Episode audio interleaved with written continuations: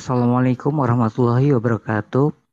Selamat pagi, siang, sore, dan malam semuanya para pendengar setiap podcast Mantra Mahasiswa Teknik Berbicara di mana pun Anda berada. Gimana nih kabarnya Sobat Mantra semua? Semoga tetap sehat selalu ya dan terhindar dari penyakit virus Corona 19 ini pastinya. Semoga virus corona ini menghilang dan berakhirnya pandemi COVID-19 ini supaya kita semua dapat bertemu, bertatap muka secara langsung, berkumpul dan belajar bersama lagi di gedung FTI UI tercinta.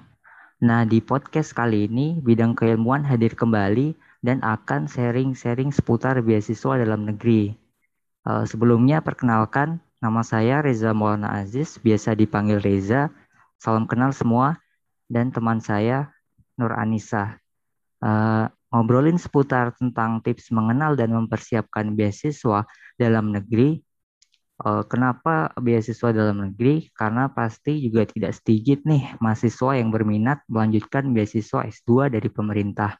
Nah, di sini saya sudah bersama narasumber yang hebat dan berhasil mendapatkan salah satu beasiswa dalam negeri yang diberikan oleh pemerintah yang bisa kalian coba nih. Beliau adalah Mas Muhammad Brado Frastio Uh, beliau adalah salah satu alumni Teknik Elektro UI angkatan 2013. Assalamualaikum Mas Brado. Waalaikumsalam Mas. Salam kenal semua. Bagaimana kabarnya? Sehat Mas? Alhamdulillah. Untuk semua sehat semua ya. Alhamdulillah Mas. Uh, sekarang posisi sudah di Jambi ya Mas? Oh iya sekarang uh, kebetulan lagi uh, karena juga daring semua um, perkuliahan dan juga penelitian jadi uh, sekarang lagi di posisinya lagi di kampung itu di Jambi. Hmm, Alhamdulillah di sana aman ya mas? Ya untuk uh, sementara di daerah sini masih zona hijau ya jadi uh, lumayan aman. Oke. Nah Mas Brado ini lulusan teknik elektro II angkatan 2013 dan uh, sudah lulus S2 di UGM. Begitu ya Mas? Oh ya, uh, ralat dikit Mas. Uh, saya sebenarnya angkatan 2014 sebenarnya. Uh, mungkin ada kesalahan sedikit. Uh, juga uh, saya masuk 2014 di FTI UII. Uh, lulusnya di tahun 2018. Kemudian uh, masuk ke UGM itu tahun 2019. Uh, di mana itu saya mendapatkan beasiswa PMDSU.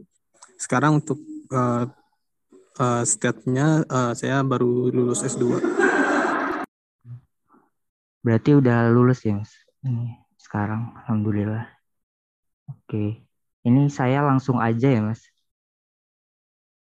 Ya, Mas, silakan, Mas. Oke. Uh, dulu cita-cita Mas Brado ini memang mau mengarah menjadi dosen atau peneliti gitu ya, Mas? Uh. Uh, mungkin uh, saya cerita dikit ya. Dulu waktu S1 sebenarnya uh, saya belum ada kepikiran mau uh, menjadi akademisi atau peneliti gitu. Tapi sering berjalannya waktu, uh, waktu semester-semester akhir itu saya uh, melakukan beberapa penelitian dengan uh, tim peneliti uh, bersama dosen. Nah, ketika penelitian tersebut, uh, saya mendapatkan uh, kesempatan untuk melakukan konferensi di Malaysia. Nah, di sana baru muncul uh, keinginan untuk uh, melanjutkan studi uh, lebih lanjut karena uh, dunia penelitian itu sangat menarik bagi saya dan juga uh, benefitnya juga saya juga bisa jalan-jalan ke luar negeri ke mana aja untuk conference uh, untuk mempresentasikan penelitiannya.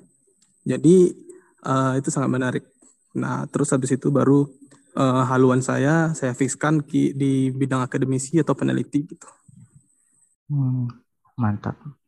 Kemudian uh, kemarin kan uh, kami membuat Google Form nih Mas. Nah, kemudian ada pertanyaan uh, lebih penting mana melanjutkan kuliah S2 atau kerja Mas? Uh, mohon berikan gambaran dan pengalamannya Mas untuk kami semua. Uh, itu uh, pertanyaan yang menarik ya dan juga uh, untuk mahasiswa-mahasiswa S1 itu juga uh, apalagi semester-semester akhir uh, memiliki pemikiran uh, yang sama uh, apakah mereka ingin melanjutkan studi atau ingin masuk ke dunia kerja. Nah, itu merupakan um, uh, preferensi masing-masing ya. Ada uh, mahasiswa yang memang suka belajar untuk penelitian segala macam. Ya, untuk um, um, memberikan uh, ruang untuk mereka untuk uh, berkembang lebih banyak, itu sudah jelas mereka harus melanjutkan studi dan melakukan melakukan penelitian. Nah, ada juga mahasiswa yang uh, prefernya kurang mau untuk uh, meneliti dan sebagainya. Mereka ingin cepat kerja dan ingin uh, cepat mendapatkan pekerjaan yang uh, benefit buat mereka. Jadi uh, mereka uh, bisa uh, langsung terjun ke dunia kerja. Nah, uh, jadi itu semua uh, tergantung preferensi masing-masing. Tidak ada kata-kata uh, yang uh, lebih baik untuk lan langsung lanjut studi ataupun lebih baik untuk langsung kerja. Gitu. Menurut pendapat saya seperti itu. Oke. Kemudian lanjut selanjutnya uh, apa aja sih beasiswa pasca sarjana yang ada di dalam negeri? Uh, jelaskan secara singkat ya Mas, uh, seperti beasiswa LPDP, PMDSU, dan beasiswa unggulan. Oh ya, untuk uh, beasiswa dalam negeri itu seperti yang disebutkan tadi ada tiga yang umum uh, dibicarakan. Uh, ada LPDP, PMDSU, dan juga uh, beasiswa unggulan. Nah, bedanya seperti apa? Untuk LPDP itu khusus untuk um, fresh graduate dan lulusan ibaratkan uh, dari awal. Uh, jadi tidak tidak bisa untuk mahasiswa ongoing. Kemudian untuk PMDSU, beasiswa tersebut itu untuk uh, men mencakup uh, S2 langsung ke S3. Jadi uh, beasiswanya langsung ke jenjang doktoral. Nah, untuk waktunya itu PMDSU uh, menjadi singkat menjadi empat tahun. Kemudian untuk beasiswa unggulan itu bisa untuk mahasiswa ongoing dan juga mahasiswa baru. Nah, untuk persyaratannya ya kurang lebih sama antara tiga uh, beasiswa tersebut.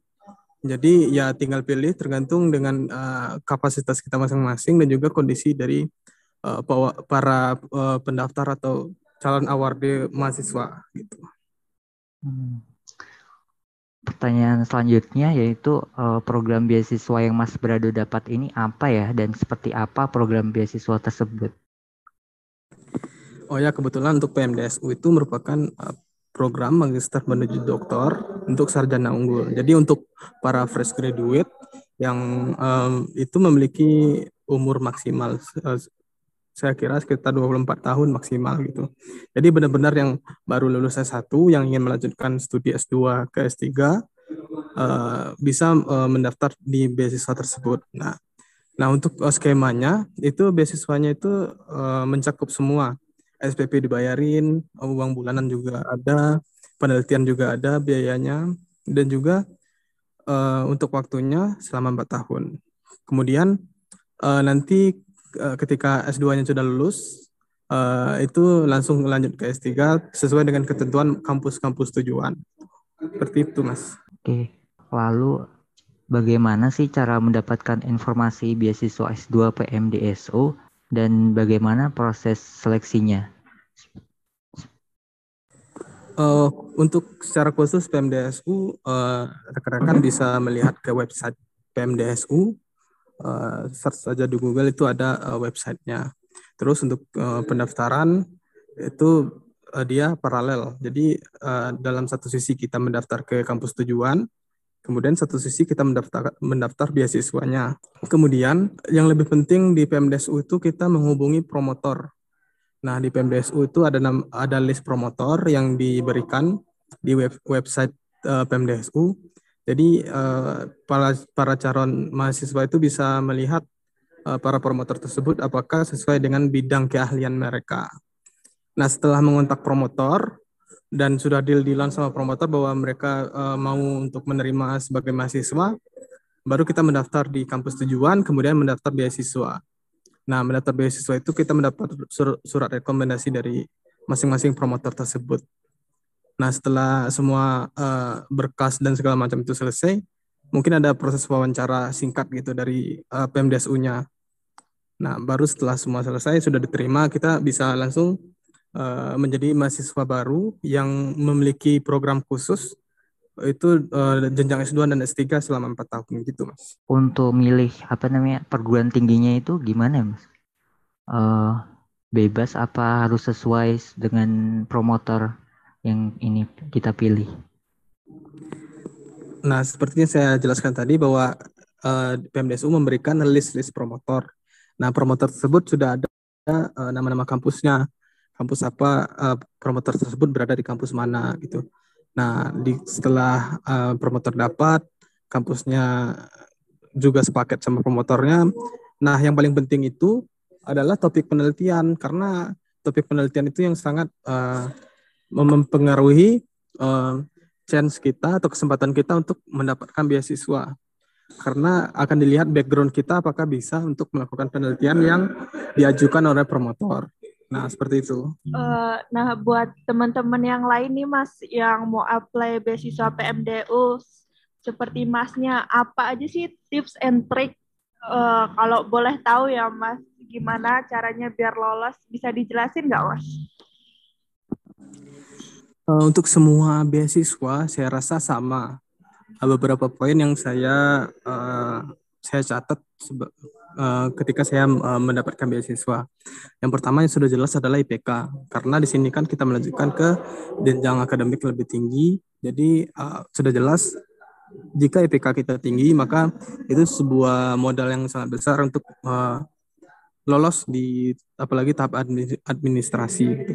Kemudian yang kedua tes TOEFL atau sertifikat bahasa Inggris, TOEFL, IELTS dan segala macam itu harus dipersiapkan karena itu sangat penting bisa kata-kata uh, pemburu beasiswa itu sebagai kunci utama untuk mendapatkan beasiswa. Gitu.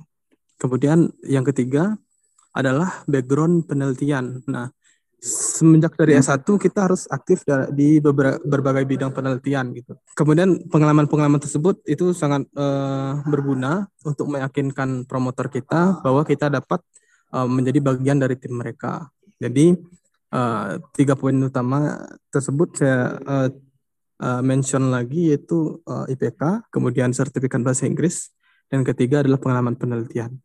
Nah itu tips dan triknya. Kalau buat TOEFL-nya ada minimalnya nggak mas? Minimalnya berapa gitu? Untuk uh, TOEFL itu memiliki standar masing-masing. Untuk uh, seperti beasiswa unggulan itu TOEFL-nya sekitar 550. Kemudian untuk beasiswa LPDP itu untuk magister 520, doktoral 5 eh magister 500, doktoral 520 530 untuk PMDSU itu kemarin saya lupa kayaknya 500 deh uh, untuk syarat TOEFL-nya.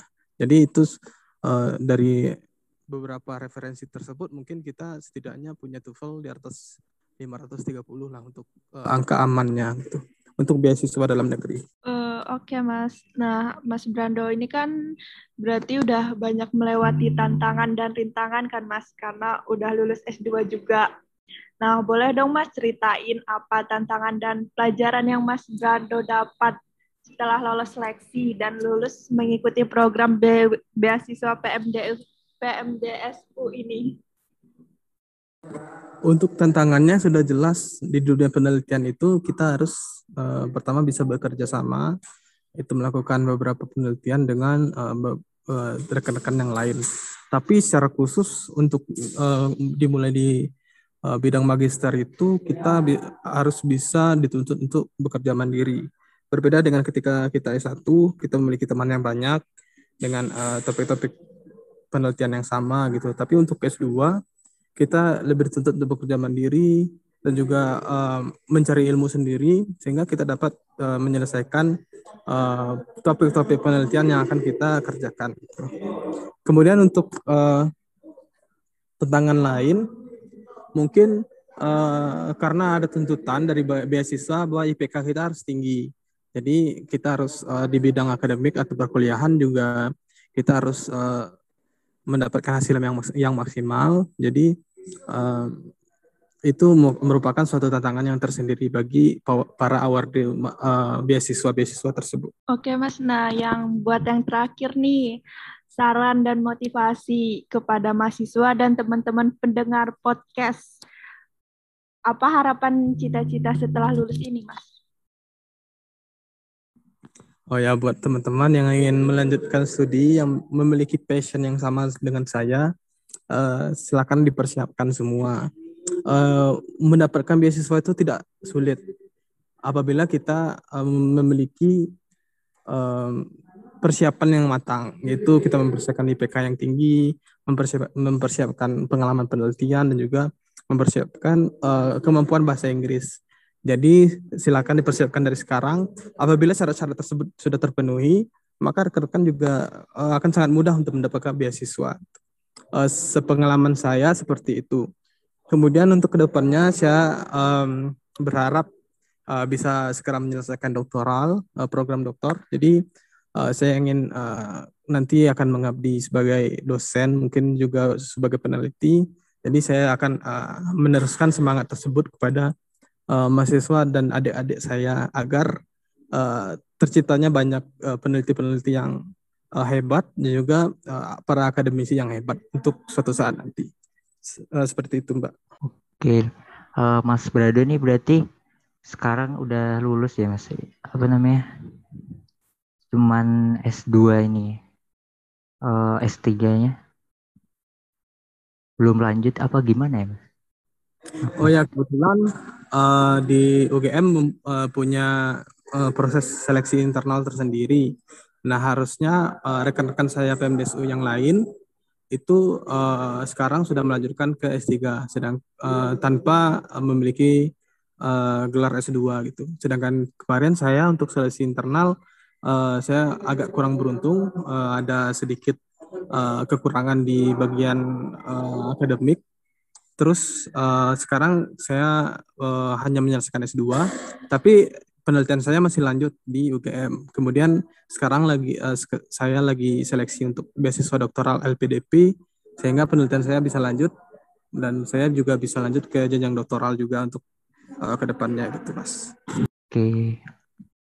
Mantap, mantap, Mas. Ditunggu ini apa namanya? berkontribusi untuk negara negara, Mas uh, dan mengabdi kepada negara Indonesia tentunya. Ya, Mas. Uh, untuk Mas Reza dan Mbak Anissa uh, jurusan apa ya? Teknik kimia, Mas. Uh, saya teknik kimia juga, Mas. Oh, sama-sama teknik kimia. Ada teman yang dari elektro, angkatan berapa? Angkatan. Ada angkatan 19 sih, Mas. Angkatan 19, oh, kayaknya kurang tahu ketemu saya atau enggak. Soalnya Eh, acara-acara uh, di internal elektro saya sering isi uh, untuk motivasi-motivasi akademik uh, untuk adik-adik yang uh, masuk tapi angkatan 2018 sebelumnya kayaknya seperti itu. Seangkatan sama Mas Hasim nggak ya, Mas Berada nih?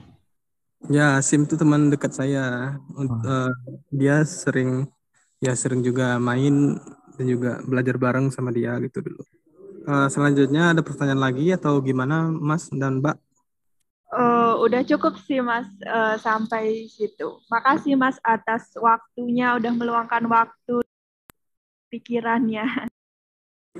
Ya, semoga bermanfaat uh, beberapa uh, tips dan trik dan juga pengalaman saya untuk berbagi sama rekan-rekan semua. Semoga ada generasi-generasi baru yang dapat uh, melanjutkan uh, studi yang lebih tinggi untuk mendapatkan beasiswa. Gitu. Semangat, selamat berjuang untuk semua. Ya, amin. Semoga adik-adiknya bisa mengikuti jejak masnya ya, Mas. Siap, siap. Makasih, Mas. Uh, Oke, okay, pendengar podcast Mantra, sekian bincang-bincang bersama saya, Mas Reza dan Mas Brado mengenai beasiswa S2 dalam negeri yang diberikan oleh pemerintah. Terima kasih Mas Brado atas waktunya. Semoga apa yang Mas Brado sampaikan pada podcast kali ini mudah-mudahan bermanfaat bagi kami para pendengar dan memotivasi untuk semua mahasiswa yang ingin melanjutkan studi pasca sarjana. Amin. Terima kasih banyak Mas atas ilmunya dan berbagai pengalamannya kami cukupkan podcast mantra kali ini. Sampai jumpa di podcast berikutnya dan jangan lupa tetap menjaga protokol kesehatan. Wassalamualaikum warahmatullahi wabarakatuh. Waalaikumsalam. Terima kasih untuk semua. Ya. Uh, ingin menanyakan beberapa hal tentang beasiswa, mungkin bisa uh, DM di IG saya aja, MUHD Brado. Jadi nanti uh, mungkin saya bisa bantu-bantu untuk uh, beberapa hal yang bisa sesuai dengan kapasitas saya sebagai award beasiswa gitu. Ya, Mas. Makasih Mas atas ilmunya. Oke. Okay.